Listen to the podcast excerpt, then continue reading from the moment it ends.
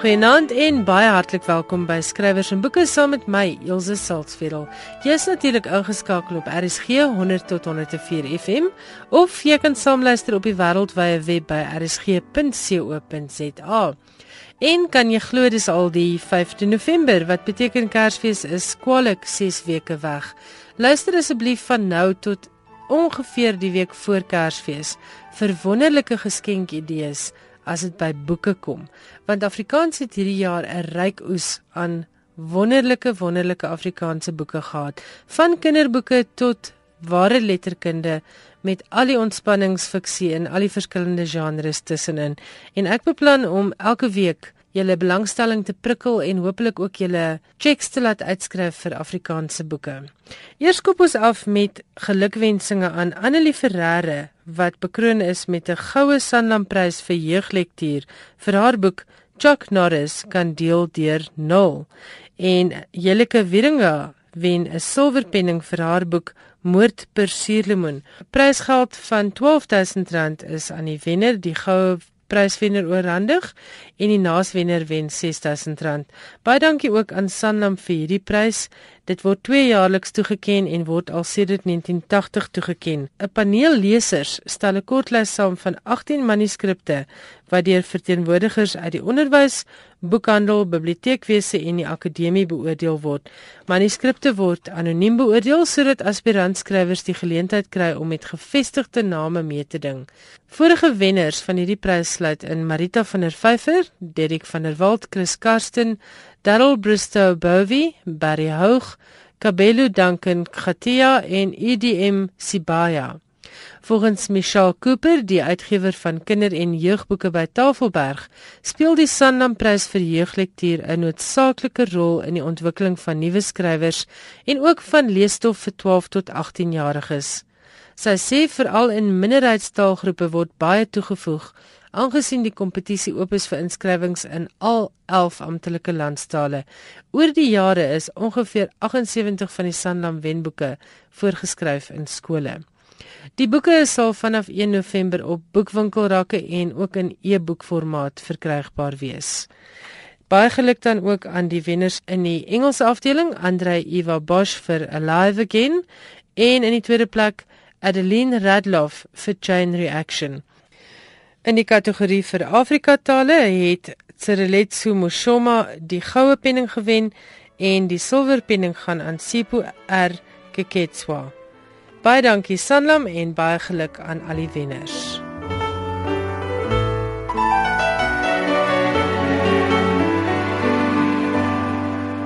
Ek en Johan Meiberg het verlede week na aanleiding van sy insetsel gepraat oor letterkundige toerisme en ek het gewonder hoe baie word daar op die gebied van letterkundige toerisme gedoen vir Afrikaans. En ek kry 'n e-pos van Estel Bester. Sy reageer as volg op my vraag. Ek glo daar's luisteraars wat al gereageer het oor Kannemeyer se toere en dalk ook oor die Eugene Maree toere wat ons saam met Johan Lodewyk Maree in Pretoria en Palindaba omgewing gedoen het. In totaal skryf Estel was daar 5 sulke toere. Sy reken dit was baie suksesvol en die mense wat saamgegaan het was nog 'n indrukwekkende versameling. Die gedagte het ontstaan toe Johan Lodewyk Maree op 'n keer oor Eugene Maree aanbieding gedoen het vir die RAI of Universiteit van Johannesburg se destydse literatuur en lewenssin groep. Dis nou Estel wat hierso skryf. Hy het terloops genoem dat hy al gedink het aan die moontlikheid van 'n toer op die voetspore van Maree, met ander woorde 'n toer dan deur Pretoria na Pelindaba. Johan Lodewyk Maree is natuurlik 'n digter en iemand met 'n baie grondige akademiese kennis van Eugene Maree skryf. Stel, Stel is 'n geregistreerde gids. Ek weet sy doen wonderlike toere veral na Soweto en sy het toe besluit om hierdie toer saam met hom aan te pak. Sy sê as sy reg onthou was dit in ongeveer 2006 of 2007 en die toere wat aanvanklik begin het sommer net as iets vir die literatuur en lewenssin groep van die Universiteit van Johannesburg het behoorlik gesneeubal. Ons het 4 toere by die Universiteit van Pretoria begin en geëindig by plekke verbygery waar ons oor die spore van Maree en Gustaf Preller gepraat het. Die eerste afklimplek was by Pretoria Wes se ou begrafplaas waar Maree en sy vrou se grafte is. Daarna is ons na Pelindaba, spesifiek na die Preller huis wat baie interessant is en Johan het ook oor die unieke boustyl en interessanthede van die huis gepraat. Die Rondawel huisie waar Maree sy laaste nag deurgebring het, is daarna besoek. En die besoekpunt wat besondere belangstelling geniet het volgens Estel Bester was die huis van Loot Pretorius waar Marie die geweer geleen het sowel as die boom waar die selfmoord na bewering plaasgevind het. Estel skryf ook van 'n vyfde toer wat hulle via Cosmo City aangepak het. Nou ja, as daar luisteraars is wat vir ons wil laat weet of hulle sou belangstel in sulke toere, stuur 'n e-pos na skrywers en boeke by RSG www.rsg.co.za of stuur vir my SMS na 3343 en onthou elke SMS kos R1.50. Gratis SMS se geld ongelukkig nie. Nou is dit eers tyd vir my eerste gesprek. Ek gesels weer met Dr Karen de Wet, dosent in Afrikaanse poësie aan die Universiteit van Johannesburg. Karen, baie welkom. Dankie Ilse, altyd lekker om oor die poësie te praat. En vanaand praat ons oor Inligte laaie deur Janie Malan. Nou wie is die man? Wel, uit die Faisite, indrukwekkende, een van die indrukwekkende digters van 2014. As jy nog nie die boek onder die hande aan die hande gehad het of onder oë gehad het, jy maak 'n plan. Hy het 'n paar gedigte mee gedebuteer in 'n nuwe stemme onder Ronel de Goede en ehm um, Tani Marese redakteurskap. En hier het ons nou 'n goed gekomponeerde bundel. Baie interessante teks. Dit is my baie lekker om daaroor met jou te praat. Maar jy sê jy kry nie 'n foto van hom nie en eintlik weet ons absoluut glad niks van Janie Melanie. Wel, ek seker ons mense wat weet en hy weet, maar jy weet die ou debat oor die mens agter die boek. Ek wil die gedigte lees. Ek okay. weet nie wie se Janie nie. Dalk kry hy weg. Dalk wil hy nie uitkom nie. Nou vertel vir ons van die bundel self. Interessante titel in ligte laaie. Mens kan baie daarmee speel dit letterlik beteken die uitdrukking natuurlik in volle vlam. Ek dit verlei my vreeslik om te dink hy's besig om in volle swang te dig. Ek dink is wat besig is om te gebeur. Maar natuurlik is die vier elemente baie belangrike tema dwars deur die bundel aan die einde is daar selfs 'n gedig oor 'n sterfte op 'n brandstapel skroei. Daar's 'n afdeling oor die tot niet gaan van 'n verhouding vlam en as. So vier is 'n baie belangrike tema, maar die hele storie van inligte laaie, daar's ook lesenaar laaie wat aan die vlieg is op die bundel se voorblad wat 'n um, illustrasie is wat die digter self gemaak het. En ek dink die ligte laaie beteken ook of verwys ook dat die laaie van sy herinneringe, notas, reisinskrywings, dagboeke ligter word soos wat hy gedigte skryf. In 'n onderhoud op Litnet het hy um, daarna verwys en gesê die skryf van gedigte is ook 'n verligting. Dinge word ligter, maar ook die gedig bring vir jou, maak vir jou lig, bring insig. Mm. So ek dink is 'n wonderlike titel waarmee mens metafories mee kan speel hierdie in die ligte laaie van my digkuns en my digbundel. Jy het gesê die boek is in heelwat afdelings ingedeel. So bietjie meer daaroor en gaan jy praat oor al die afdelings of gaan jy fokus op net 'n paar?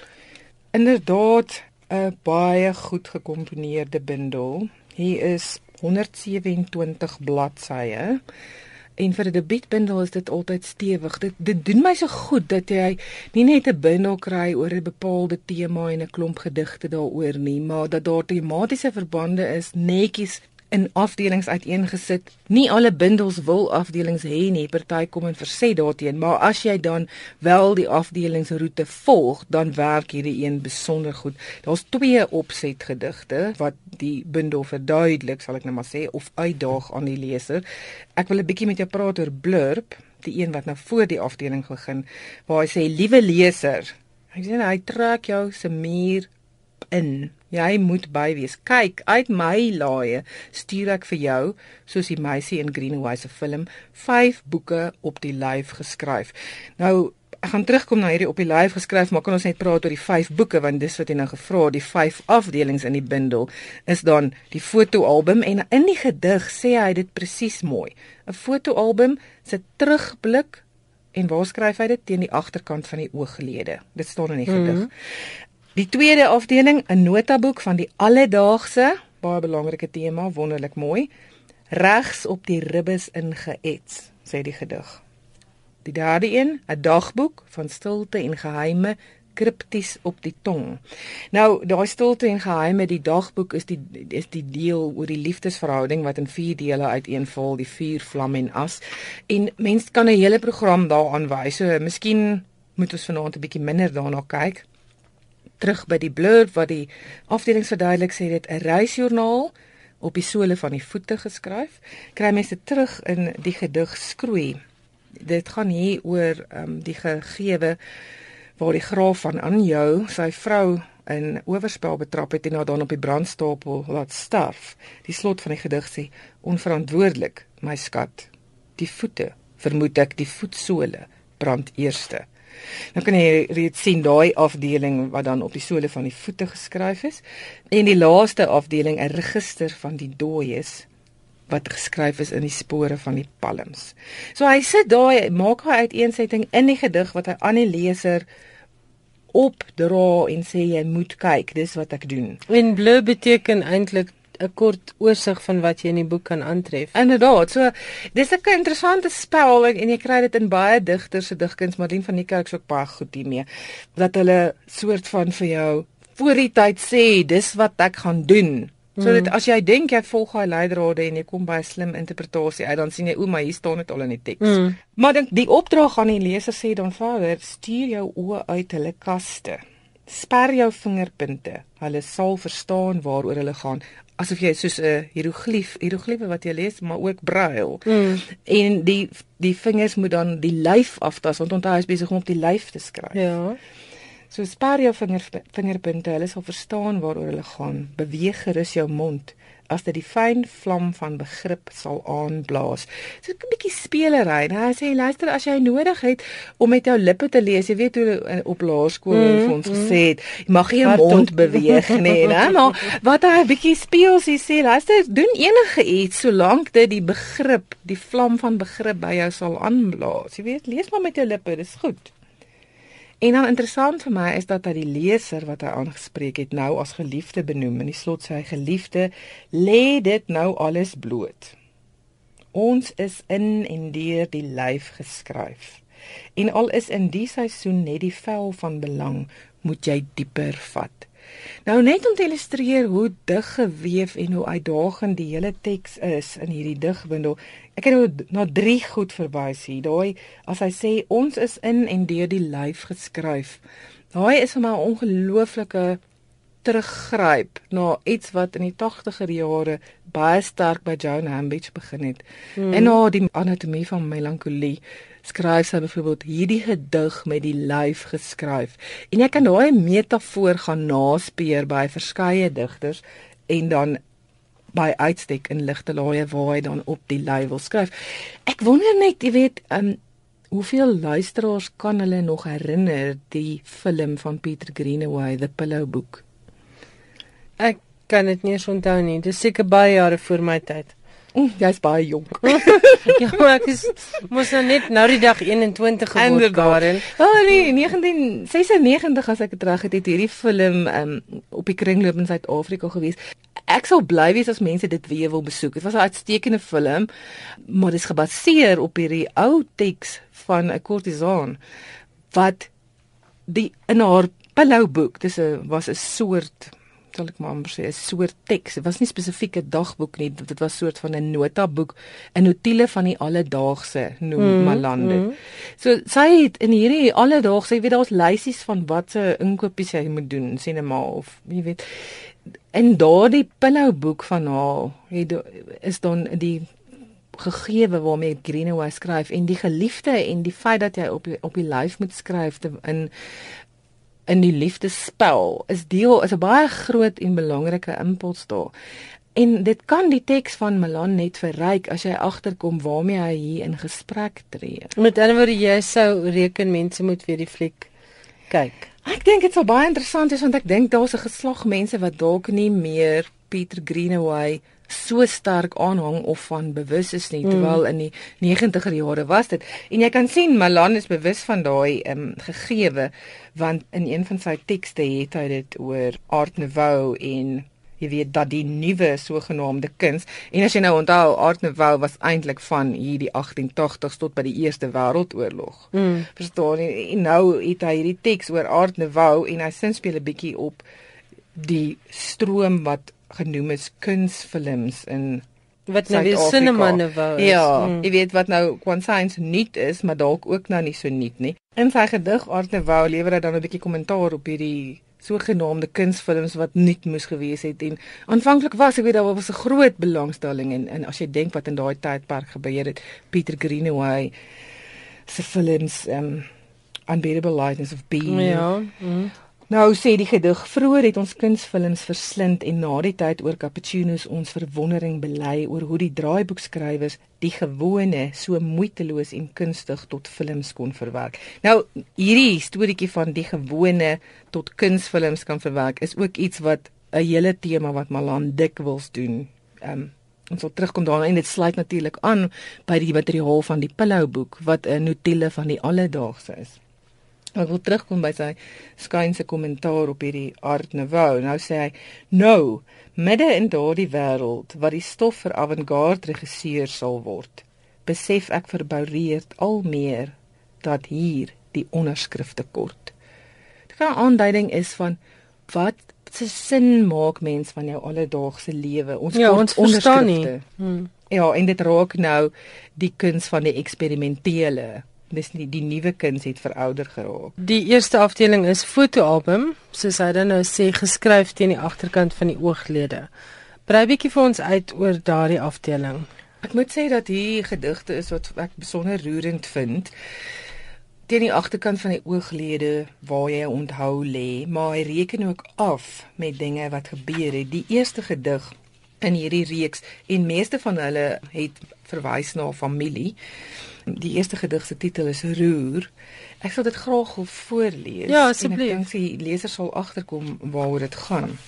Vroegoggend ry ek en hy met die bakkie af na die lagoon. Ek in die passasierssitplek met die aluminiumfles wat van een voet na die ander rol. Die digte mis doem skielik op. Katie Meloa en 'n swart wou op 'n telefoondraad. Hoe het dit alledaagse, né? Ons lig die dubbelsee kajak van die dakrak en loods dit langs die kaai. Roei uit in die rigting van die Voeleiland, dan links langs die oewer om en uit tot in die diep water. Die man wat ek pa noem, lig sy spaan en rus dit met 'n klopklank op die boeg. Hier is net die ligte klots van golfies teen die veselglasromp en die kweel van meeuwe dobberend op die duining. Met sy oë op die horison praat hy vir die eerste keer in 35 jaar onder sy hoedrand se skadu uit oor die verlede. Terwyl ek deur bitterore en geklemde kneukels konsentreer om my roeispaan teen die dolpen te balanseer en in die verbygaan let hoe elke sonstraal wat deur 'n druppel van die spaanblad reflekteer, die troebel oppervlak alleen maar vlakweg penetreer. Sien die roeringe van 'n verhouding waar nooit gepraat is nie tussen pa en seun wat in die vroegoggend gaan roei. En die ongelooflike rykwyte van hierdie gedig wat net aan die oppervlak roer kry mens dan geweldig skreiend volgens my terug in die gedig wat hy noem dag sê. En hoekom ek die roer en die diepte van wat aan die oppervlak hier ophaal is omdat Malan die hele tyd so speel met wat maak hy van 'n alledaagse gebeurtenis soos gaan roei en 'n alledaagse opmerking van ek sit in die passasierssitplek wat eintlik ontsagwekkend word die ondergeskiktheid van die seun wat 'n man is teenoor sy pa en dan wat gebeur 'n bietjie later in die afdeling is die gedig dag sê op bladsy 22 waar waar ook ten spyte van of afgesien van die tematiese gegewe waarmee gewerk word daar hierdie suggestie is van dat daar dieper dinge is kan ek dit vir jou lees Ek let op hoeveel kleiner jy geword het die laaste keer toe ons met 'n handdruk groet. Leeragtig die vel van oor die jare toue knoop, modelvliegtuigpropellers draai, kunsmis met 'n graaf inspit, karba sproei vir die mure meng, my bliksem oor stout gat gehad, gemoedelik met 'n knipmes biltong vir klein kinders skerf, 'n ma se as oor die see uitstrooi. Jou seëningrige hand wat die ferm bevestiging van bloed en band vir 'n oomblik teen die palm hou, die vingers om die dieper been en spier van 'n totsiens gevou. So die vraag dat hy nie net ja, nie net hy voel die palm, die oppervlak, maar vir daai oomblik van die handdruk is dit die vingers wat dieper om die dieper been vou sodat die dag sê eintlik 'n nie 'n hallo nie, maar 'n totsiens word, 'n mm, mm. afsê word. Terugkyk. Ja. Kom ons kom terug na die pillowboek verwysing waarvan jy vroeër gepraat het. Brei bietjie uit op daardie tema. Ek neem aan daar is dan nou 'n afdeling wat daar wat daaraan raak. Ja, Ek dink dit is 'n goue draad deur die bindel en nou dat ek goue draad sê, hy speel dikwels met sprokies en verwysings na sprokies, soos byvoorbeeld repelsteeltjie en die feit dat jy uitstrooi dan 'n goue draad oor jou handpalm spin. Maar 'n baie belangrike en wonderlike tema om te kan ondersoek is die verwysings na hierdie pillow boek. Miskien moet ons die gedig lees. Dit het die Japaneese titel verskoon my Japanees. Mono no abare. my Japanees is ook nie op standaard nie. Sê net weer die titel. Die titel se se in Afrikaans is skoonheid is kosbaar want dit is kortstondig. Nou dit sluit ook aan by die feit dat hy dan uit hierdie alledaagse wat hy sien vir ons kortstondige gedigte skryf wat ons lewens oplig en die las van die herinnering of die verlede verlig, mm -hmm. sou ek dan sê. Wat weer terugkom na ligte laaie. Ja, die ligte laaie en dan dat um, hierdie pillow boek 'n notule van die alledaagse was. Miskien moet ek daai gedig lees waar dit dan voor staan. In Japan, meer as 1000 jaar gelede, in haar pillow boek, haar notule van die alledaagse, het sy Shonagon, die kurtisaan, die lewe aan die hof idiosinkraties nonchalant gedokumenteer. Sien en ek dink dit kan oor die bundel skryf. Idiosinkraties, nonchalant en gedokumenteer. Wat het sy geskryf? Observasies, oordeenkings, lyste van voor en afkeur, geënumereer en toe reeds gemaan. Hierdie is 'n verskriklik mooi, dit laat my so aan Japaneese haikus dink. Strepe wolk strek ses wit lyne oor die blou, bloot om te verdwyn. Die vonkspoortjies van die vier vliegies se paaie sal nooit weer kruis nie. Wilde ganse vlieg sonsondergang tegemoet terwyl donker daal. Dis pragtig. Uiteraard het ons nooit genoeg tyd om 'n bundel in diepte te bespreek nie, maar vir wie sou jy hierdie mooi bundel aanbeveel? Wie gaan hom geniet? Wat ek vasglo Elsje oor goeie bundels is dat dit 'n diverse gehoor trek. Want Jy hoef nie noodwendig al die verwysings te gaan naspoor en al die interteksie intertekste te hê voordat jy die gedig dan gaan geniet nie. Ek gaan nou terugkom na eh, 'n gedig aan die einde van die bundel Nosferatu. Ek het op hierdie aarde nie geweet dat dit 'n Duitse ekspressionistiese gruwelfilm is nie maar dit is en die subtitel daarvan is Symphony of Horror, maar dit het my nie verhoed om te kon verstaan dat gegee hierdie skryf op die lyf in die bundel die eerste reël sê wanneer ek jou nou perforeer, kras jou vel soos ryspapier. 'n Vaar angs oor die oggend, die dors in 'n droë lyf. In jou weggaan het jy die asem uit my uit verstaan dis heeltemal verstaanbaar. Dit is 'n wonderlike bundel vir poesie liefhebbers. Dis 'n wonderlike bundel vir mense wat leef en reis en dink en liefhet. Sommige gewone mense ook. Ons almal. Dankie Janie Malan. Gesigloos en al. Dankie Karen de Wet dosent in Afrikaanse poesie van die Universiteit van Johannesburg. Baie dankie. Ek hoop ons gereelde digkunsgesprekke gaan meer mense na digkuns laat draai sodat mense ook kan agterkom dit is nie so intimiderende genre nie. Baie dankie daarvoor. Baie dankie. In Ligte Laaie deur Janie Malan word uitgegee deur Protea Boekehuis en kos R150. Ja, en Meiburg is in die ateljee vir 'n baie interessante gesprek vanaand. Jy begin met iets waaroor die kinders gister gegons het.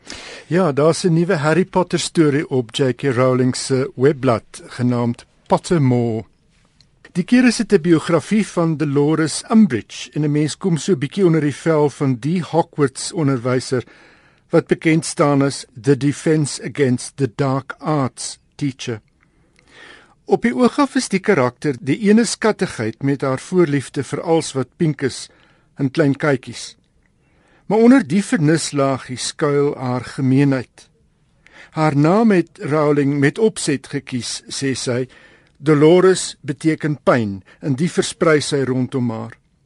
Umbridge is 'n spel op die Engelse uitdrukking to take umbrage met die betekenis van aanstoot wat sy ook weliswaar gee. Rowling het laat val Umbridge is die karakter in die stories waarvan sy die minste hou. Dink maar net aan hoe sy alles en almal wil beheer onder die dekmantel van reg en geregtigheid skroom sy nie om ander leed aan te doen nie skryf Rowling. In die jongste biografiese essay skryf Rowling die karakter van Umbridge is geskoei op iemand wat met haar saamgewerk het. Iemand wat van wollerige kykies frille en strikke gehou het. Maar terselfdertyd skryf sy was sy die skynheiligste verneinigste voorstander van die doodstraf. As jy jou naam wil laat voortleef in die letterkunde sonder om self 'n enkele woord te skryf, moet jy sorg dat jy later die maand in Londen is vir die sogenaamde onsterflikheidsveiling waar jy kan bi op die voorreg om jou naam te gee aan 'n karakter in 'n nuwe roman of kortverhaal.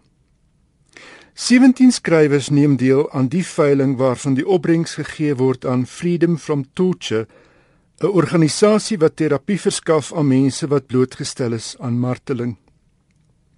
Julian Barnes, beskermheer van die organisasie en Booker-pryswenner, hy het dit in 2011 gewen met The Sense of an Ending, het 'n hele rit skrywers betrokke gekry. Margaret Atwood, Ian McEwan, Alan Harlinghurst, Joanna Trollope, Martina Cole, Sebastian Fawkes, Robert Harris, Zadie Smith, Anif Qureshi Ken Follett, Will Self, Kathy Litt, Adam Mars Jones, Adam Foltz, Pat Barker en Tracy Chevalier. Chevalier, bekend vir haar roman Girl with a Pearl Earring, bied byvoorbeeld iemand die geleentheid om haar naam te koppel aan 'n karakter wat beskryf word as die eienaar van 'n Luciehuis uit die dae van die goudstormloop in San Francisco in die 1850s. Die beplande roman het nog nie 'n titel nie. En so bied Atwood iemand die geleentheid om of te verskyn as 'n karakter in 'n nuwe roman of as 'n karakter na 'n beplande hervertelling van Shakespeare se The Tempest. Die boek verskyn in 2016. Barnes het oor die veiling gesê dis net die naam wat ter sprake is. Mense moenie verwag dat die naamgenoot karakters dieselfde karaktereienskappe as hulle sal hê nie. Ja, en hier plaaslik het Lapa Uitgewers dit 'n jaar of 2 gelede gedoen. Ek kan nie die boek se naam onthou nie, maar die skrywer was Leon van Nierop. En hulle het 'n aanlyn kompetisie gehad en uiteindelik, ek dink ek was daar 2 mense wie se name in die boek opgeneem was en Leon het met die met die karakters ontmoet, met die mense ontmoet en hy het ook die karakters in die boek van hulle eienskappe gegee, maar verder weet ek nie dat dit al in Afrikaans gedoen is nie. Dis die eerste keer wat ek daarvan gehoor het in in Afrikaans, die Lapa geval. Ja, ja. en dit was 'n vreeslike lekker projek. Ek weet mense het omtrent vasgeslaan om die kompetisie te wen ja. want jou naam is in 'n boek. Die konsep kom al lank al. Ek het ek het sover teruggelees as 2005 is dit reeds gedoen. En ehm um, daar is ehm um, byvoorbeeld Game of Thrones is daar ook so kompetisie gewees en daar's iets soos as ek dit nie reg het nie, is dit 20000 dollar wat opgedok is om om jou naam in die boek te kry. Ja, nee, in hierdie geval gaan dit nou vir liefdadigheid. Ja, so dis ja. 'n wonderlike manier om geld in te samel. Jy het ook iets oor 'n digter wat onlangs oorlede is. Die Amerikaanse digter Galway Kinnell is op 28 Oktober dood. Hy was 87. Kinnell het in 82 die Pulitzerprys gekry vir poësie vir sy bundel Selected Poems. Hy was van 1989 tot 93 die amptelike hofdigter van die Amerikaanse deelstaat Vermont. Kinnell was een van daardie digters wat nie teruggeduins het vir sogenaamde omstrede onderwerpe nie. Hy was openlik teen die Vietnamoorlog in die 1960s en het hom eweneens uitgespreek oor die oorlog in Irak in 2003. Daarby het hy om deurentyd beywer vir die handhawing van menseregte. Nietemin word hy nie as aktivis onthou nie, maar as woordsmid wat met subtiliteit te werk gegaan het. In 2003 toe die Withuis 'n beplande nasionale literêre simposium in Manchester in New Hampshire afgestel het omdat van die digters aangedui het hulle gaan verse voorlees waarin hulle hulle uitspreek teen die oorlog in Irak. Het Kindle en digters van Vermont daardie jaar hulle eie voorlesing in Manchester gereël. Kindle het verse van Walt Whitman by die geleentheid voorgeles. Sy bitterheid het Kindle later in 'n artikel oor Whitman geskryf was nie omdat hy 'n bitter mens was of omdat hy on-Amerikaans of onpatrioties was nie. Hy was bitter omdat hy so lief was vir sy land en omdat hy telkens teleurgestel is. Kindle was tot en met sy aftrede in 2011 professor in kreatiewe skryfwerk aan die Universiteit van New York. Ja, nou algemeen, jy het nou gelees oor hom. Hoe algemeen is hierdie begrip van 'n hofdigter? Is daar nog baie hofdigters in die wêreld? Dis veral in die Engelse tradisie, terwyl in die Spaanse tradisie kom dit tog ook voor. Maar die Britte het nogal het nog hulle het hulle het hulle het 'n poet laureate, ja. hulle het 'n um, 'n jong poet laureate. Um, nou sien ek dit is in dis selfs deelstate wat dit wat dit wat dit aanbied. Dit is vir my baie interessant want want my assosiasie daarmee kom nou uit die uit die baie baie ou tye waar daar nog 'n koning was wat vermaak moes word en daar was 'n hofnar en 'n hofdigter en dis al die tweede of die derde keer in 1 jaar wat ek hoor van die hedendaagse hofdigter. Ja, ek dink nie mense met die hofnar en die hofdigter verwar nie. Party mense um, doen. Suid-Afrika, ons het ook tog wel hofdigters. Ons het hofnare ook hierso. En ten slotte, jy het nog 'n bydrae of twee. Ja, nadat daar in 2009 2 maande lank intensief net buite Granada in Spanje gesoek is na die oorskot van slagoffers wat in 1936 in die Spaanse burgeroorlog vermoor is, is die soektog gestaak toe geen beenre gevind is nie. Nou het die streeksregering van Andalusië aangekondig 'n nuwe soektog begin later van dese maand Geen opgrawings word beplan nie, hoewel sonar toerusting hierdie keer ingespan word. Die Spaanse digter Federico García Lorca is een van die duisende burgerlikes wat reg aan die begin van die burgeroorlog afgemaai is deur generaal Francisco Franco se magte. Die lyke is on ongemerkte massagrafte gestort. In 2009 was die Lorca familie nie oortuig van die sin van die soektog nie. Hulle het gemeen Lorca se beendere moet ongestoord gelaat word en dat hy nie uitgesonder moet word terwyl so baie ander families ook wonder wat van hulle geliefdes geword het. Later het hulle egter aangebied om DNS monsters te voorsien indien beendere van Lorca gevind sou word. Lorca is in Augustus 1936 by Fuente Grande buite Granada doodgeskiet. Hy was 38. In Afrikaans is Lorca bekend danksy die vertalings wat Uyskriege gemaak het. Benewens 'n paar gedigte ook die van dramas soos Jerma en die huis van Bernarda Alba. Dit was Johan Meiburg, soos altyd 'n baie lekker interessante bydrae en terloops as jy gewonder het wie Suid-Afrika se hofdigter of poet laureate Dit is Kyurapetse William Kositsile of Brav Willie. Hy is uh, 76 jaar oud en is reeds in 2006 ingehuldig as Suid-Afrika se hofdigter. Ek's nou baie nuuskierig hoor ek sal vir Johan vra om vir ons ietsie meer te kom vertel oor Brav Willie.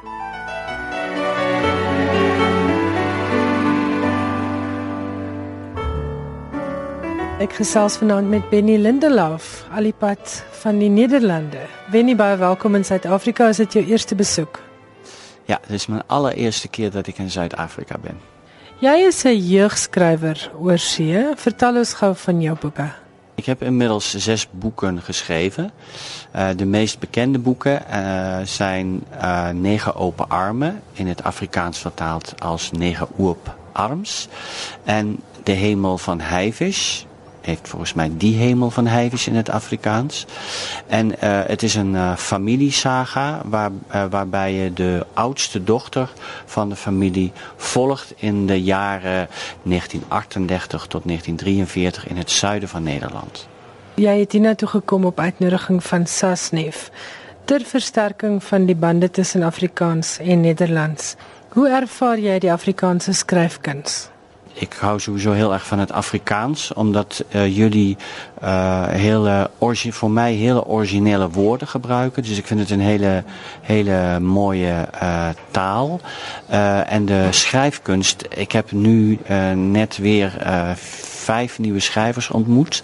En in de afgelopen anderhalve week heb ik nog een aantal Afrikaanse schrijvers ontmoet. En ik ben nu echt aan het lezen in het Afrikaans. En uh, wat ik lees vind ik uh, mooi. Uh, maar ik moet nog veel meer lezen. Ik ben net pas begonnen. Jy doseer ook skryfkuns in die Nederlande. Vertel ons 'n bietjie daarvan en dan wil ek met jou praat oor creatieve werk. Hoe kry mens jouself creatief aan die gang om te schrijven? De methode die ik gebruik, die, die bestaat al sinds de jaren 1980. Uh, toen zijn er een aantal mensen uh, zijn gaan denken over hoe breng je nou het schrijfonderwijs bij kinderen en jongeren op zo'n manier dat het kinderen ook echt aanspreekt. Of dat het dat een, uh, een appel doet op hun eigen wereld. En daar zijn een aantal oefeningen uit ontstaan. Daar is ook een docentenopleiding uit ontstaan. En een van de belangrijkste elementen is dat je kinderen een structuur moet bieden om hun eigen poëtische of hun verhalende talent naar boven te krijgen. Dus de opdrachten zijn aan de ene kant heel vrij, aan de andere kant bied je altijd een structuur aan. Wat wij hier vanmiddag hebben gedaan, dat zijn twee dingen. Eén, dat heet een contragedicht en dan gebruik je een gedicht van een bestaande dichter, maar je draait alle woorden om als een soort negatief en dan komt er een andere taal naar boven. Eh, een, een heel poëtische taal en jongeren zijn vaak erg verrast over wat zij dan verzinnen. Een tweede methode is dat je een bestaand gedicht uh, gebruikt en dat verknip je helemaal in losse woorden. Uh, en de, de, de, de leerling gaat aan de slag alleen of in tweetallen, om van die woorden, die losgeknipte woorden uit dat bestaande gedicht, een nieuw gedicht te maken. Alleen zij weten niet dat het uit een bestaand gedicht komt. Dat vertel ik pas op het allerlaatst, als we alle gedichten hebben gehoord en voorgelezen, om aan te geven dat mensen gebruiken vaak dezelfde woorden, maar het is hun eigen poëtisch talent om daar een eigen verhaal of een eigen gedicht mee te maken.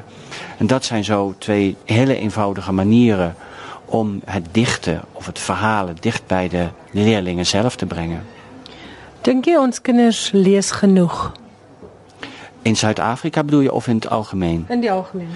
Um, er is tegenwoordig heel veel aanbod van allerlei soorten ontspanning. En dat, dat zie je ook terug in hoe kinderen hun tijd besteden. Um, er zijn doemdenkers die zeggen dat kinderen steeds minder zullen lezen en uiteindelijk niet. Ik geloof dat niet, maar ik geloof wel dat wij een grote concurrentie hebben. Concurrentie op andere plekken, op andere vlakken. Makkelijkere manieren van ontspannen. Dus ik vind dat er ook een taak voor ons ligt. Ons ouders, uh, ons, uh, ons leraren, uh, bibliothecarissen. Om ervoor te zorgen dat we het lezen aantrekkelijk houden. In gesprek gaan over boeken. Dat we dingen organiseren zodat kinderen een, een trapje aangereikt krijgen om weer tot lezen te komen. Dat is niet altijd even makkelijk, maar ik geloof wel degelijk dat dat kan. So gesels Benny Lindelof, die Nederlandse jeugboekskrywer wat onlangs op besoek was aan Suid-Afrika. Twee van Benny se boeke is in Afrikaans vertaal deur Daniel Hugo.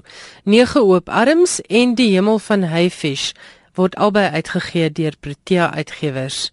Nou ek was een van die skrywers wat gelukkig genoeg was om 'n werkswinkel deur Benny by te woon en ons het heerlik gespeel. Ons het kontragedigte geskep soos wat hy verduidelik het. Dit behels dat jy 'n bestaande gedig neem en vir elke enkele woord in die gedig 'n teenoorgestelde soek. Ons was sewe mense wat almal met dieselfde bronteks gewerk het en so het ons uiteindelik sewe splinternuwe gedigte geskep wat nie een dieselfde geklink het nie. Die ander manier wat hy gebruik het was om vir ons al die woorde van 'n bepaalde gedig uit te druk, maar nie in volgorde nie en jy weet glad nie dat jy met 'n gedig werk nie. Dan knip jy die woorde uit en weer eens skep jy 'n nuwe gedig met die koevert vol woorde wat jy uiteindelik het. Jy mag 3 woorde bygesit het en jy het nie nodig gehad om al die woorde wat jy gekry het te gebruik nie. En weer eens, so skep ons toe sewe splinter nuwe gedigte. Dit gaan oor meer as die skep van 'n gedig. Dit gaan oor kreatiwiteit vind binne in jouself. Dis 'n heerlike oefening wat ek sou aanbeveel vir enigiemand wat Afrikaans onderrig. Dis 'n baie goeie manier om kreatiwiteit los te woel in selfs die mees onkreatiefste mens. Ek gesels nou met Erika Barnard van Sasnef. Hulle is die mense wat Benny se besoek moontlik gemaak het. Erika, vertel gou vir ons luisteraars waarvoor staan Sasnef? Sasnef was voorheen HDN Huis der Nederlande wat nou die Suid-Afrikaanse sentrum vir Nederland en Vlaandere is. En julle bring elke jaar 'n skrywer uit die Nederlande na Suid-Afrika. Hoekom? Ehm um, een van ons doele is om Afrikaans vlerke te gee en om die Nederlandse kultuur en Vlaamse kultuur in Suid-Afrika te bevorder. So die hoofdoel om eintlik dan die tale te bevorder help ons om die mense in Afrikaans, Nederlands en Vlaams bymekaar uit te bring. En 'n skrywer het 'n fantastiese sleutel met 'n boek en die vertaalde werke natuurlik Nederlands na Afrikaans bevorder ons gedagte om om skrywers van die taalwêreld Afrikaans-Nederlands bymekaar uit te bring. Doen julle ook andersom vertalings met ander woorde Afrikaans na Nederlands? Help julle ook skrywers daar? Dit is nou 'n ondergrondse doel want dit is nie so eenvoudig nie, dit is baie ingewikkeld. Die mark lyk anders. Ons ken nie die mark nie. Ons is nie die uitgewersbedryf bekend nie, maar ons probeer met al die skrywers wat ons nooi 'n netwerk aan die gang te kry en ehm um, blootstelling te gee vir Suid-Afrikaanse skrywers in Afrikaans aan Nederlandse skrywer en in hulle wêreld wat in hulle wêreld in Nederland en Vlaandere gebeur en hoe ons mekaar kan bystaan. Dit is groot drome. Dit is groot gedagtes. Is ingewikkelde wêrelde om by mekaar om by mekaar uit te bring. Maar miskien kry ons dit reg op 'n stil beskeie manier en hierdie jaar is ons 4de jaar wat ons dit al doen so. Jy sê julle wil die taalruimtes in mekaar se tale vergroot. Gaan ons byvoorbeeld binnekort skooliere sien Nederlands lees? Dis 'n baie mooi vraag vir ons. Ons het nou die laaste 3 jaar 'n Nederlandse lespakket ontwikkel vir Afrikaans eerste taal of huistaal um, leerders en hulle onderwysers. Dis 'n 12 les lespakket wat Nederlands aan die Afrikaanse leerders gaan blootstel van graad 7 tot graad 11 so dit is 6 lespakkette. Ehm um, dit is pas klaar geskryf en ons hoop om dit volgende jaar bekend te stel in die, in die skole en ons begin in die Wes-Kaap. Dit is nader aan die sentrum waar ons is, is in Pinelands naby Kaapstad of dig by Kaapstad as 'n Nederlander sou sê. En ja, met op daai manier hoop ons ons gee vlerke vir Afrikaans en die 30 miljoen mense oor die wêreld wat mekaar verstaan omdat ons kan of Afrikaans nie of Nederlands by mekaar uit te bring En wie weet as dit suksesvol is in Suid-Afrika, die Nederlandse lespakket, hoekom kan ons dit nie vir Afrikaans in Nederland en Vlaandere doen nie? Dit was Erika Barnard van Sasnef. Erika, baie dankie vir jou tyd en dankie vir die inisiatief. Fantasties. Dankie dat jy met ons gesels het.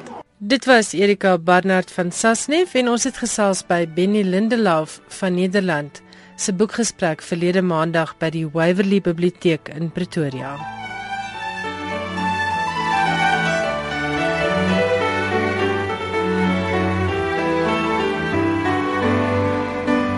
Ongelukkig is dit alwaarvoor ons vanaand tyd het. Volgende week is daar nie 'n skrywers en boeke op Woensdag aand nie want dis natuurlik RSG Kunstefeestyd. Ek is wel volgende donderdag aand in die ateljee saam met vier digters en ons gaan 'n heerlike regstreekse uitsending hê van Woordketting. Die digters wat gaan deelneem is Nathan Trantral, Diana Ferris, Andries Besuidnout en Philip De Vos en dit gaan 'n vreeslike prettige jolige affære wees. So maak seker dat jy volgende Woensdag aand, nee, ekskuus, dat jy volgende Donderdag aand om ongeveer 10 oor 7 inskakel vir die woordketting. Dit is as deel van die RSG Kunstefees van 2014. Tot dan groet ek Elsje Saltzfeld baie dankie dat jy saamgeluister het. Moenie nou die radio afskakel nie, daar's nog heerlike musiekprogramme tot laat vanaand. Geniet die tyd saam met RSG. Goeienaand.